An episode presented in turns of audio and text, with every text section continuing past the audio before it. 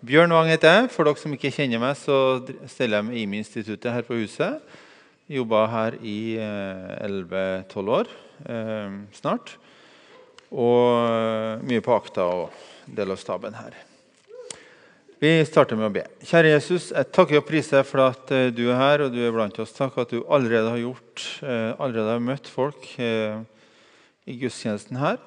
Og vi ber at du bare åpner eh, bibelordet, bibelordet, for oss. Hjelp oss å forstå det som er på ditt hjerte i kveld. Og vi ber at du eh,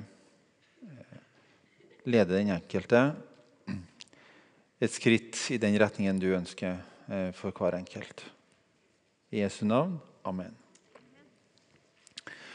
Eh, Eirik, du har jo allerede gitt en liten introduksjon, sånn at Jeg må hoppe over litt her, ja. Eh, I Johannes 4 så er det to eh, historier, basically. Eh, første delen handler om en samaritansk kvinne som møter Jesus ved brønnen. Eh, og Den andre handler om en eh, kongelig embetsmann som har en sønn som er syk. og Sønnen blir da helbreda. Ettersom hele historien er 54 vers, så har jeg tenkt at vi skal konsentrere oss om den første delen. Men jeg vil si noe om hele kapittelet først, uansett. Eh, først så møter Jesus ei kvinne da, som er så, egentlig så langt ned på den sosiale rangstigen. Eh, både, eh, ja, både stand og stilling og, og, og rasemessig skulle si, i, den, i den settingen der. Eh, at hun er eh, At hun er overraska over at noen vil snakke med henne i det hele tatt. Eh, og den andre er en eh, kongelig embetsmann som er eh, i motsatt ende av den sosiale skalaen, om vi kan kalle det sånn.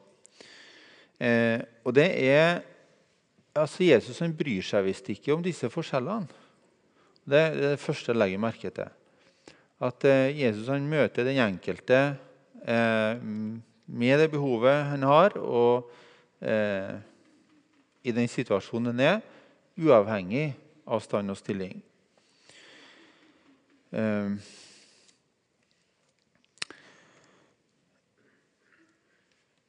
Det er kanskje greit å tenke over eh, for vår del òg. Forskjellsbehandler vi folk, eller behandler vi folk eh, sånn som Gud ser dem? Eh, Dette kapitlet kommer jo etter egentlig eh, hovedverset, om vi skal kalle det det, i hele Bibelen. Johannes 3, 16. Eh, For så høyt har Gud elsket verden, at han gav sin sønn den enbårne, for at hver den som tror på Han, ikke skal gå fortapt, men ha evig liv. Eh, det er da bare noen vers før vår tekst starter. Det er liksom kvintessensen av det bibelske budskapet. Eh, at Gud elsker verden og er villig til å ofre alt for å vinne den. Eh, og Før vi snakker om hvordan Jesus er et forbilde for oss, så er det klart at vi må ta imot Jesus som gave. Jesus og alt han gjorde for oss, det er, vår, det er Guds store gave til oss. Og det er det første han vil gi oss. Eh, så står det Gud elsker verden. Jeg har bare lyst til å kommentere litt på det òg. Hva menes når Gud sier at han elsker verden? I 1. Johannes 2,15 så står det 'elsk ikke verden'. For den som heller ikke det som er i verden, den som elsker verden, har ikke kjærligheten til far i seg. Ikke to helt sånn ikke en type dobbeltkommunikasjon?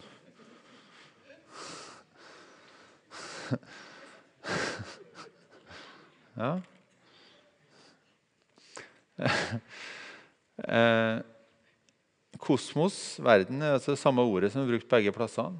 Eh, men eh, Gud elsker verden, Gud elsker det han har skapt, Gud elsker menneskene. I 1. Johannes brev så er det eh, og en del andre plasser eh, så er det verden i motsetning til himmelriket. Så det er snakk om de kreftene som vil dra oss bort fra Jesus, vil dra oss bort fra eh, det som er fra Gud. Så du må alltid lese teksten i, i sammenhengen. I Johannes 3, 16 så går det mot betydningen 'alle mennesker'. Eh, og Det er det vi skal holde fast på her. Og det som er i hvert fall sikkert at Jesus er for mennesker, han er ikke imot. Eh, et av navnene som ble profetert om at han skal få det Immanuel, altså Gud med oss. Ikke Gud mot oss, men Gud med oss. Så Gud er for mennesket, Gud elsker mennesket. Og I kapittel 4 får vi en nydelig fortelling som viser hvordan Jesus elsker mennesker. Eh, og Det er egentlig snakk om å elske mennesker inn i Guds rike.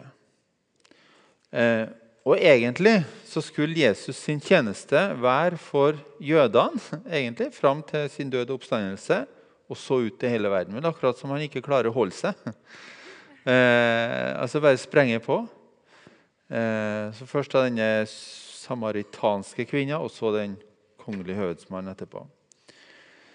Når det gjelder samaritanerne, så var det eh, en, eh, det var en sånn type sånn kvasijøder. De var liksom sånn verken-eller. Jeg skal prøve å forklare. Det er litt forskjellige versjoner om hvordan samaritanere ble samaritanere. Men i, i, Det gamle testamentet så var Israel ofte i krig og kamp hele veien med nabofolkene. Og Av og til så ble det liksom bare å ja, nå kom den her fra et annet land, og så bare tok hele befolkninga flytta dem og så deporterte dem til et annet land. Så måtte de være der i fangenskap, kunne komme tilbake. På et eller annet tidspunkt på en eller annen måte så har denne gruppen med jøder blitt blanda med et annet folk, sånn at de var ikke reinrasa. Eh, de var ikke gode nok. Det var en slags eh, De fikk ikke lov å feire gudstjeneste i Jerusalem. De fikk ikke adgang til tempelet, men de hadde eh, loven, profetene og skriftene. De trodde på samme Gud, men de fikk ikke ha fellesskap. De var stigmatisert, holdt utafor. Eh, eh, Det er en annen historie om den barmhjertige samaritan. Og Det er veldig morsomt da Jesus sier at den barmhjertige samaritan. Akkurat som erter de litt, eh, jødene. Parentes slutt. Eh, Samaria der. Judea med Betlehem og Jerusalem og det her. Galilea her. Jesus og disiplene hadde vært i Jerusalem og skulle tilbake. Og Vi skal snart lese i teksten at han måtte dra gjennom Samaria. Men egentlig måtte han ikke det. vet du. For at uh, Hovedveien gikk rundt.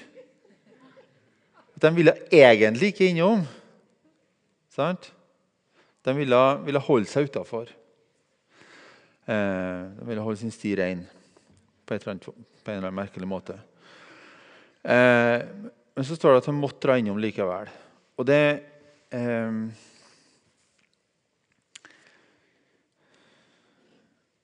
Og Dermed så blir Johannes 4 en misjonstekst som, handler, som sier noe om hvordan evangeliet er for hele verden, som Gud elsker. Jeg skal lese litt. og Hvis du har en en bibel, så slå opp i Johannes evangelium, kapittel 4. Og Vi leser faktisk et, et godt stykke her, eh, men ikke hele. Jesus fikk nå vite hva fariseerne hadde hørt, at han, at han vant flere disipler og døpte flere enn Johannes. Riktignok var det ikke Jesus selv som døpte, men disiplene hans. Da forlot han Judea og drog igjen til Galilea. Han måtte reise gjennom Samaria. Og Der kom han til en by som heter Sykar, like ved det jordstykket Jakob ga sin sønn Josef. Der var Jakobs kilden. Jesus var sliten etter vandringen, og han satte seg ned ved kilden. Det var omkring den sjette time, altså midt på dagen. Da kommer en samaritansk kvinne for å hente vann. Jesus sier til henne, 'La meg få drikke.' Disiplene hans var nå gått inn i byen for å kjøpe mat. Hun sier, 'Hvordan kan du, som er jøde, be meg, en samaritansk kvinne, om å få drikke?' For jødene omgås ikke samaritanerne. Jesus svarte, Om du hadde kjent Guds gave og visst hvem det er som ber deg om å drikke, da hadde du bedt ham, og han hadde gitt deg levende vann. Herre, sa kvinnen, «Eh, du har ikke noe å dra opp vann med, og brønnen er dyp. Hvor får du da det levende vannet fra? Du er vel ikke større enn vår stamfar Jakob? Han ga oss brønnen, og både han selv, sønnene hans og budskapen drakk av den.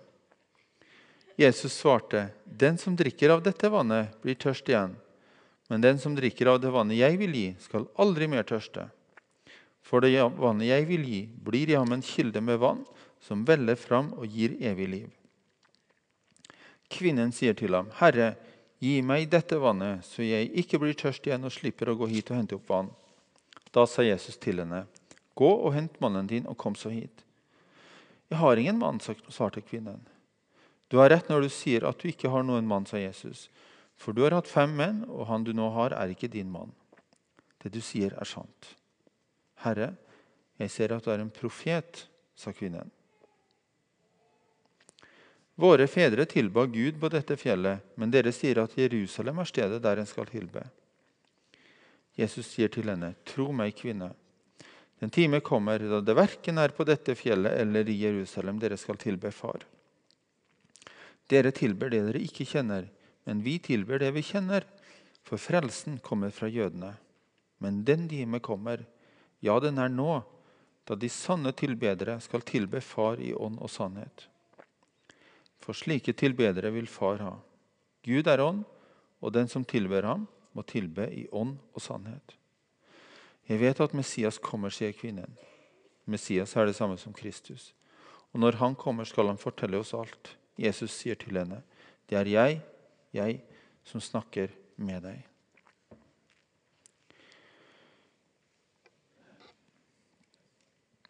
Jesus og disiplene er altså på vei nordover til fots, sjølsagt. Når de kommer til brønnen Sykar. Eh, og Jesus får da en innskytelse om å sende tolv menn for å kjøpe brød til 13 stykker.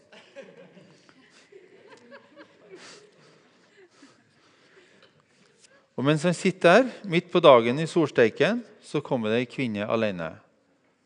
Og Hun venter nok ikke å finne han der. Du kan tenke deg de som Eh, som går dit, hun har ingen venner.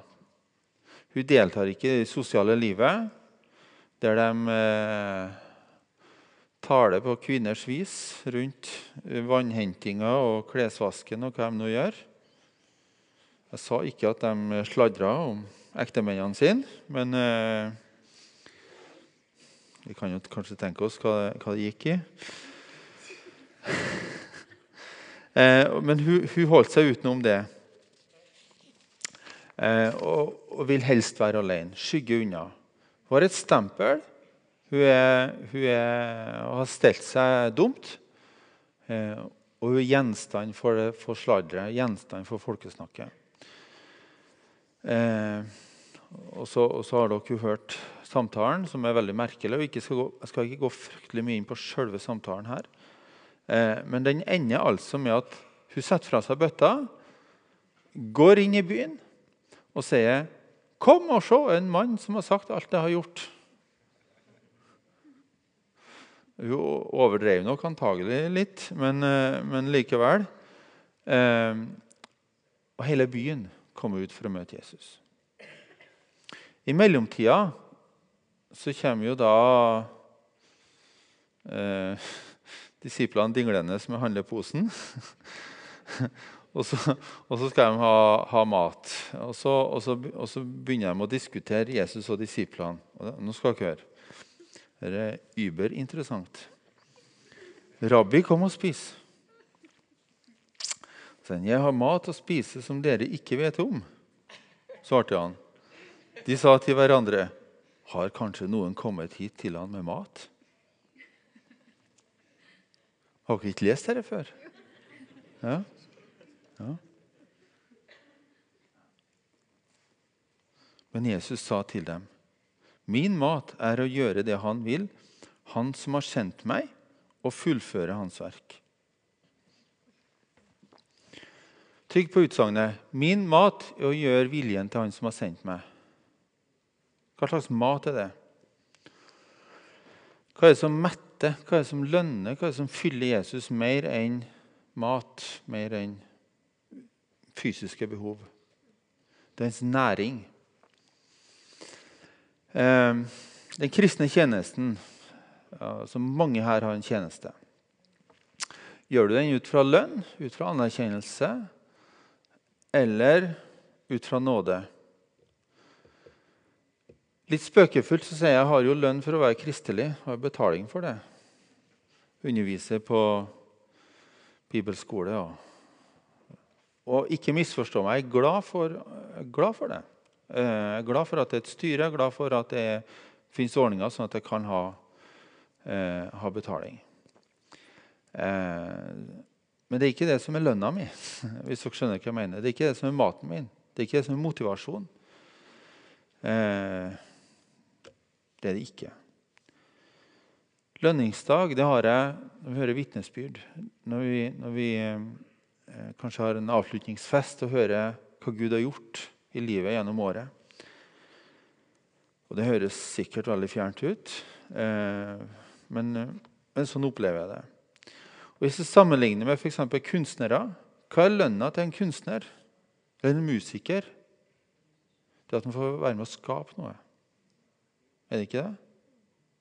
At en får anledning til å holde på med det som er kallet, det som er driven, det som er viktig.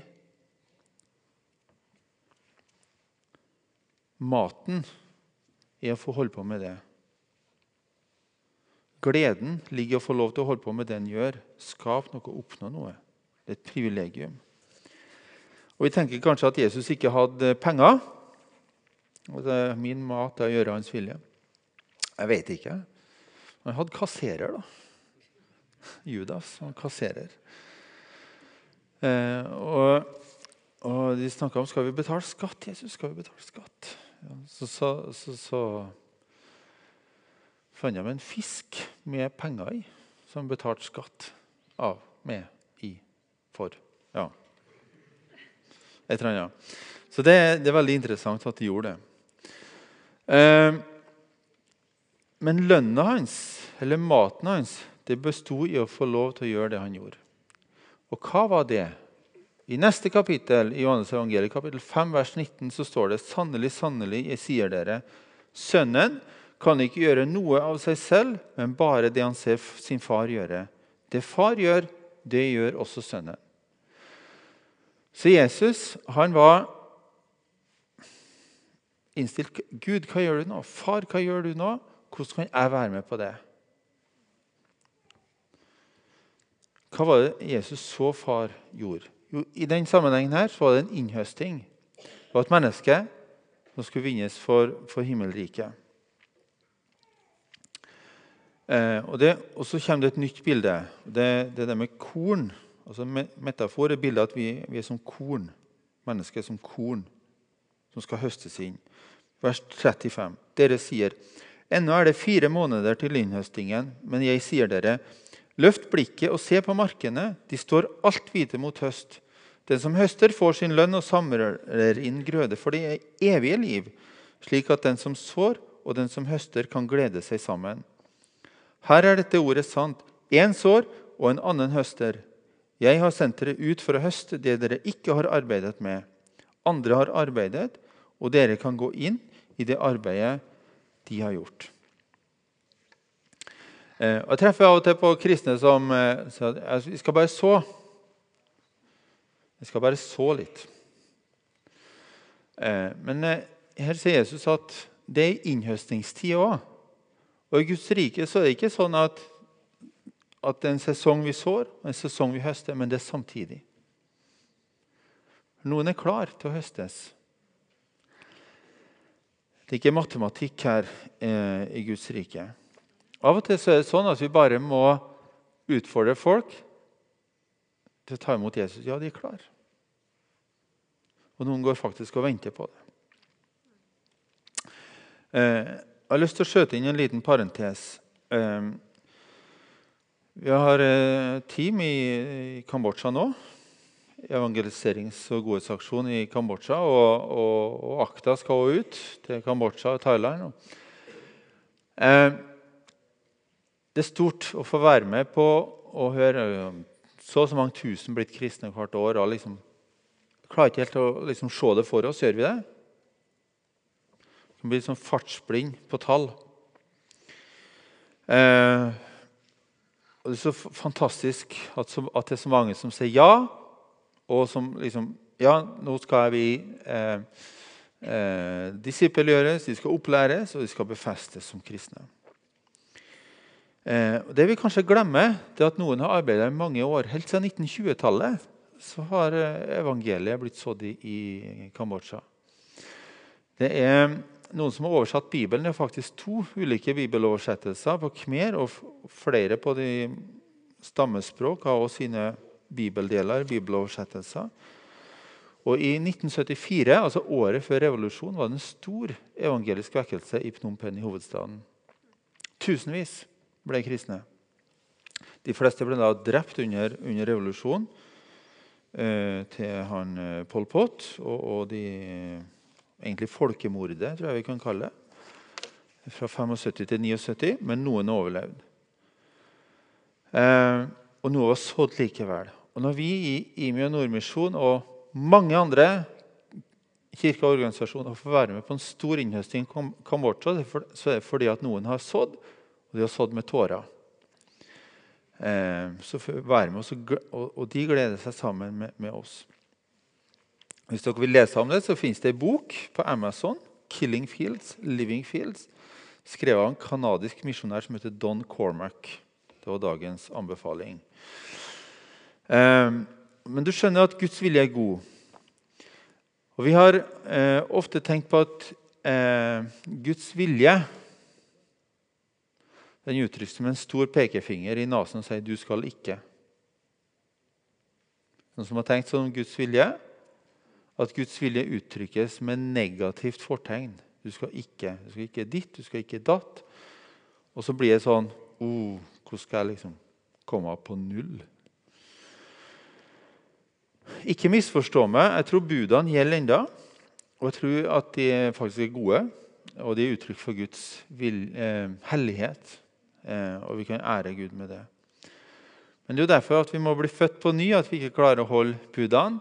Eh, sånn som det sto i Johannes 3, samtalen mellom Jesus og Nikodemus. Altså kapittelet før her. Du må bli født på ny. Uten å bli født på vann og ånd, uten å bli født på ny, skal du ikke se Guds rike. Og Derfor Jesus måtte dø på korset, eh, for at vi skulle få tilgivelse og nytt liv. Og Når noen har sagt ja til Jesus og er født på ny, så er en i Kristus. Han er en ny skapning. Det gamle er forbi, og se alt er blitt nytt. Og Da kan vi gjøre som det står i Romerne 12,2, og dømme om hva som er Guds vilje, det som er godt, det som er velbehagelig, og det som er fullkomment. Så det er ikke bare om fra minus til null, men vi får start. Vi får en ny start. Og vi får gå for det som Gud har for oss. Og eh, Løft blikket og se på markene, sier Jesus. De er hvite til høst. Altså, De er klar. Folk er klare til å ta imot. En annen plass sier Jesus høsten er stor, arbeiderne få. Altså, det er flere som er klare til å ta imot evangeliet og tro, enn det som får muligheten til det. Og Vi må ha klart i hodet vårt Gud vil frelse. Gud vil relasjon. Gud vil gjenopprette. Gud vil ha folk inntil seg. Så høyt elsker Gud verden Eh, min historie er at jeg har, gjerne har tenkt smått om Gud og Guds rike. Og tenkt at ja, de sier sikkert nei. De vil sikkert ikke bli kristne. De vil sikkert ikke ta, si ja til Jesus. Eh, og tenkte at himmelen på et eller annet vis kommer til å bli tynt på folka. Men det stemmer jo ikke, verken med Skriften eller med erfaringen. Jeg har truffet så mange oppover eh, årene nå som egentlig var litt sånn lost case, hvis dere skjønner hva jeg mener. Litt sånn, liksom, hva var oddsen for at de skulle si ja til Jesus? Ingen. Altså, det var liksom bare helt fjern i forhold til Gud. og Bibel og liksom Ingen, ingen link. Ja. Alle mennesker er født med en evighetslengsel. Eh, den samaritanske kvinnen her er jo en sånn typisk lost case-dame. Eh, som ingen har tro på at, at eh, eh, altså, Kanskje den minst tror skal si ja til Jesus. Og så er det hun som gjør det.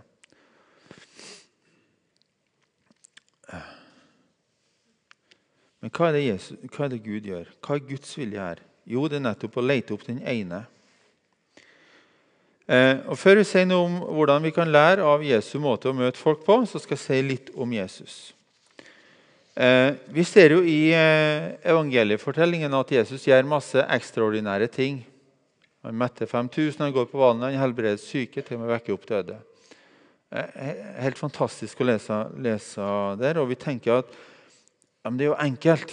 Altså, du gjorde jo det, Jesus, for du var jo Gud. Klart du kunne gjøre det. For Gud kan jo alt. Og så unnskylder vi oss og sier at ja, men det var Jesus, og ikke oss. Flere som har tenkt sånn? Ja, jeg ser hvem som nikker. Eh, stopp en hal, altså. Det er, altså. Jesus er både Gud og menneske. Begge deler. Det kalles for inkarnasjon, og det er det vi feirer i jula. Derfor vi feirer jul. Gud ble menneske. Og Det er et sant mysterium. Eh, det er ikke noe sånt som går opp på siste side i krimromanen. eller noe sånt. Det er, det er, et ordentlig mysterium.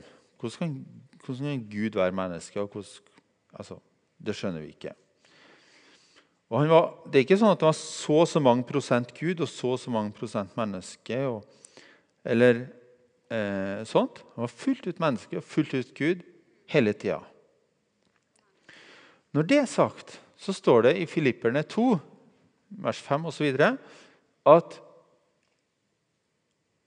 Jesus skal avkall på å være Gud lik.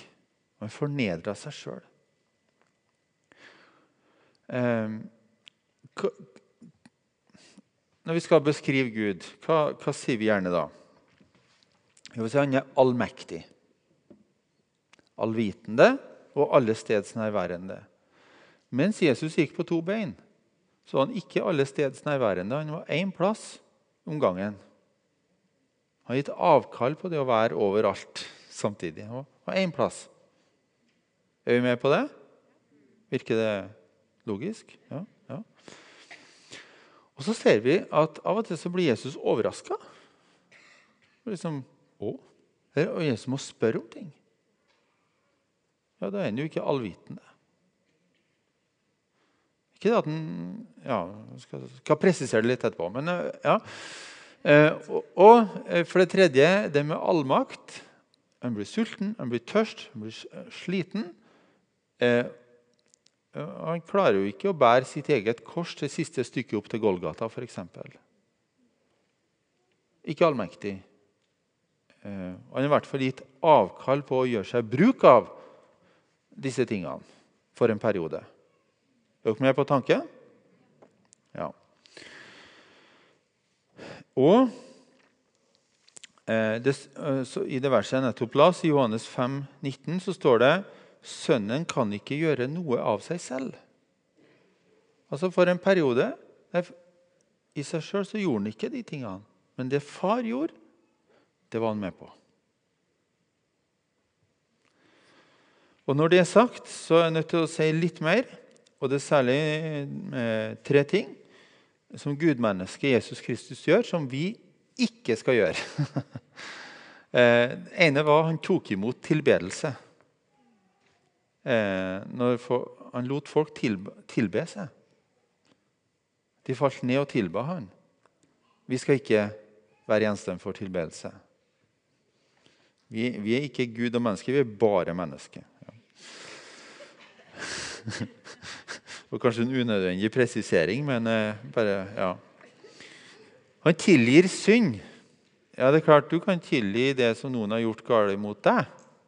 Men, eh, men, eh, men, Jesus tilgir synd bare som Gud tilgir synd. Din synd er tilgitt. Ikke, ikke fordi det er gjort noe mot han, men det er gjort noe mot andre. Og Det er kun Jesu død og oppstandelse som gir tilgivelse og nytt liv til menneskene. Og For det tredje Jesus har livet i seg sjøl. Han kan si til kvinna jeg gir deg dette levende vannet. Jeg gir deg Den hellige ånd på innsida, sånn at du kan tilbe. Eh, jeg er Messias. Og det er det bare Gud som kan gjøre. Så, eh, men poenget da, når Jesus har disipler, det er jo at de skulle lære av han, og de skulle gjøre de samme tingene. Um, og Vi ser flere steder i evangeliene og enda mer i apostlenes gjerninger at disiplene gjør jo de samme tingene som Jesus gjorde. Mye av det. Um, de helbreder, de profeterer, og de blir ledet av Den hellige ånd både hit og dit. Eh, og så er det noen som mener at underne, også bruk av profetien, det hører ikke til vår tid. Det var noe som hørte med Jesus og, og, og disiplene. Eh, vi trenger det ikke nå, hevdes det. For vi har jo både Bibelen og vi har sakramentene, altså dåp og nattverd, og det er nok. Og Jeg sier ikke at det er lite. Eh, det er ikke det. Men å se at vi ikke skal bruke eh, disse gavene som eh, han vil gi oss, det er jo like meningsløst som det er usant. Altså, selvfølgelig vil jo altså, Han har jo gitt oss det for at vi skal bruke det. Og I Johannes 13, 13 så står det altså med fotvaskingen når Jesus vasker disiplene sine føtter, så sier han at 'jeg har gitt dere et forbilde for at dere skal gjøre sånn som jeg gjør'. Eh, og Jeg tror ikke jeg mente bare å vaske beina, men i det å tjene andre.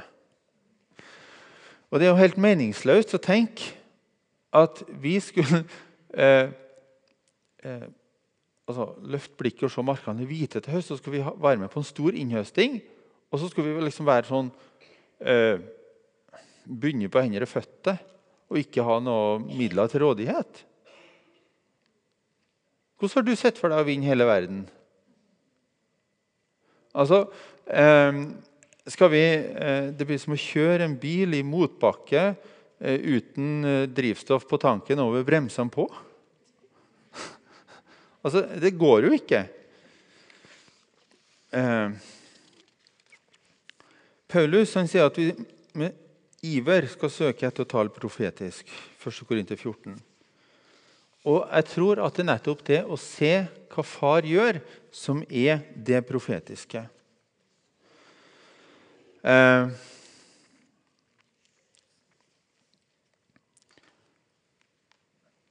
og vi ser det Jesus bruker her. Han får en innskytelse. Må dra til Samaria. Får en innskytelse. Jeg sender alle inn til byen. Og, og treffer kvinner og sier det. Får tilsvar. Jeg tror ikke Jesus har hele bildet på forhånd. Jeg tror han går steg for steg. Men Det er min tolkning. Det kan være feil. Jeg tror vi alle kan bruke den profetiske gaven som redskap til å nå mennesker og elske dem inn i Guds rike.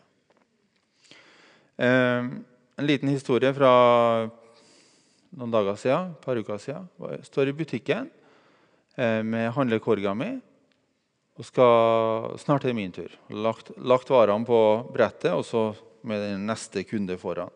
Og så får jeg en tanke at han som er foran, han har kanskje ikke penger å betale med. Eh, og så eh, tenker jeg at ja, da kan jeg betale for han.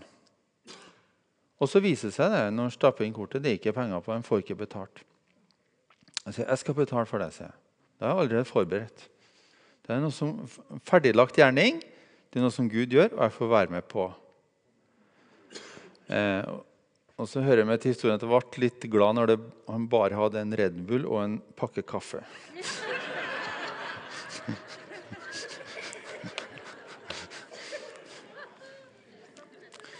Det var billig.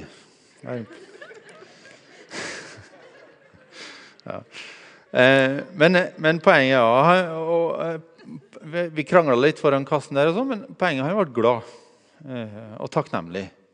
Og satte seg i bilen og for hjem. Og happy. Og, eh, og eh, om, det, om det, tenker jeg det var en så. Det var en såing. Men hva det er, eh, det er jo avhengig av hva du ser og hører Gud gjør i den situasjonen. Og Når du står opp om morgenen tenk Gud, hva har du for meg i dag? Eh, hva, hvordan kan jeg være med på det som Gud gjør? Og har en drøm at dere som er her i kveld, skal være sånn som har tida til å bli stoppa opp. Kanskje ta en omvei. Nå, nå må jeg gå eh, den veien. Eller nå, nå, må jeg stå her og vente litt på at eh, det byr seg en sjanse.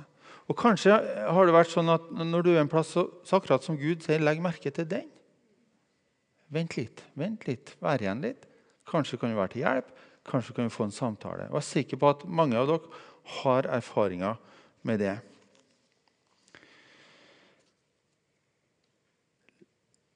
Litt til slutt om responsen. Eh, eh,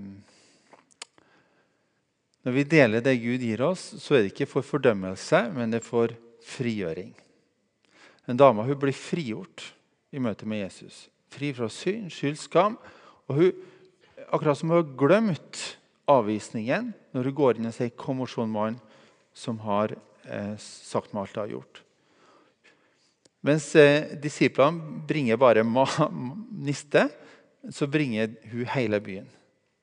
For hun har et forvandla hjerte. Hun har fått hun har blitt møtt. Og Vi klarer ikke å møte mennesker som en Gud kan gjøre det. Og Det handler om at vi velger å stille oss åpne for Gud og si Gud, hvordan kan vi være et redskap for det som du ønsker å gjøre for et menneske i dag? Eh, jeg har lyst til å avslutte her og runde av med, at, eh, med å be en bønn over dere. Kan dere reise dere? Og eh, har en hemmelighet. Nå må du høre godt etter. Du er mer profetisk enn du aner. Du er mer profetisk enn du aner.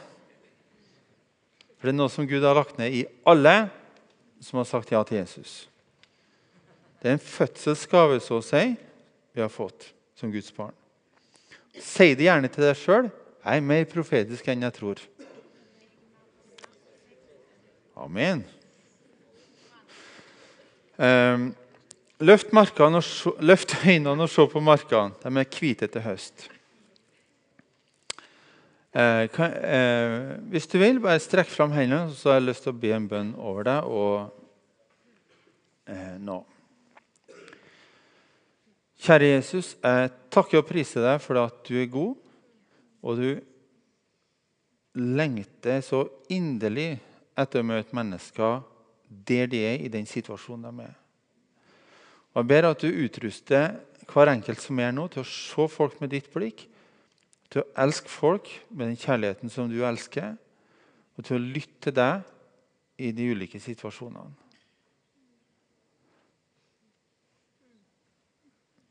Fyll opp Jesus. Fyll opp med din ånd og din tilstedeværelse i hver enkelt som er her nå. Ta imot.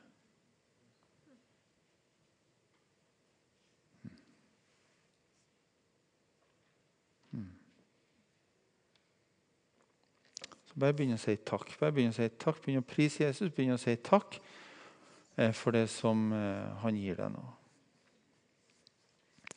Og kanskje er det allerede i kveld at du skal treffe et menneske.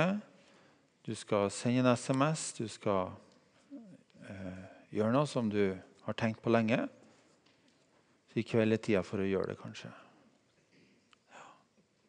En oppmuntring, en hilsen.